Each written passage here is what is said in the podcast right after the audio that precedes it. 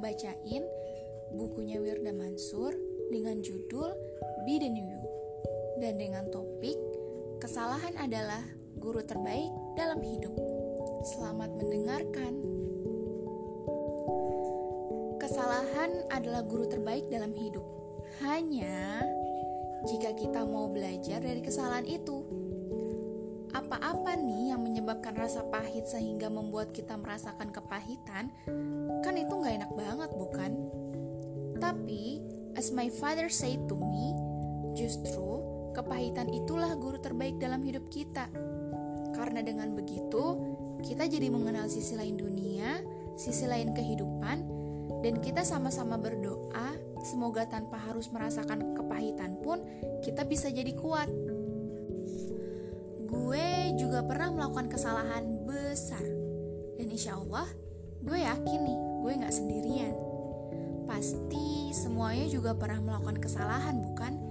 baik disengaja maupun enggak. Dan saat itu, papa pernah bilang ke gue, manusia yang hebat itu manusia yang pernah melakukan kesalahan. Dan di situ gue bingung, kok bisa ya? Kayak apa? Kemudian papa melanjutkan, ya, dengan begitu dia bisa jadi mengenal dunia, mengenal kehidupan, dan kalau dia mampu mempelajari, memperbaiki dan mengolah kesalahan yang dia buat, wah cak banget itu. Gue hanya mengangguk. Menyesal? Pastinya. Apalagi jika kesalahan yang kita perbuat ini berkaitan dengan Allah langsung. Contohnya apa? Banyak. Udah nyakitin orang tua, baik lewat ucapan maupun gerak tubuh, gaya ngomong, tingkah dan perilaku. Sadar nggak sadar deh. Terus, apalagi? banyak melewatkan kewajiban dari Allah dan melanggar perintah Allah apalagi ninggalin sholat atau melakukan melalaikan sholat apalagi disengaja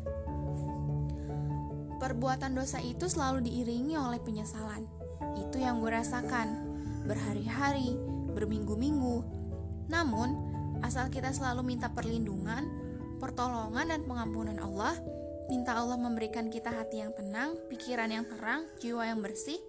Lama-kelamaan rasa itu akan hilang seiring waktu. Insya Allah. It's okay. Gue demen yang begini. Bisa sharing langsung berdasarkan pengalaman gue sendiri. Berbuat dosa itu enaknya pas lagi berbuat dosanya aja kali ya. Tapi setelah itu, wah, siap-siap aja. Hari demi hari penuh bayangan terus dan terus kebanyakan perbuatan zolim kita. Ya Allah, sedih sekali rasanya. Bahkan bisa jadi nih kita menyayangkan kejadian tersebut atau menyayangkan apa yang telah kita perbuat. Jika ingin memperbaiki waktu, semuanya sudah terjadi. Nggak bisa ditarik lagi atau pura-pura nggak pernah terjadi. Rekam jejak pasti ada. Namun nih, jika tujuan kita adalah ingin memperbaiki diri, Itulah yang disebut tidak ada kata terlambat. Ingat, tidak ada kata terlambat. Tidak semua kesalahan itu tidak baik untuk kita. Malah, di sisi lain, salah itu perlu loh. Sebab dengan begitu kita jadi mengerti. Oh, kurangnya gue di sini. Oh, gue ternyata masih begini. Lebih top lagi ketika ada orang yang membeberkan kekurangan kita.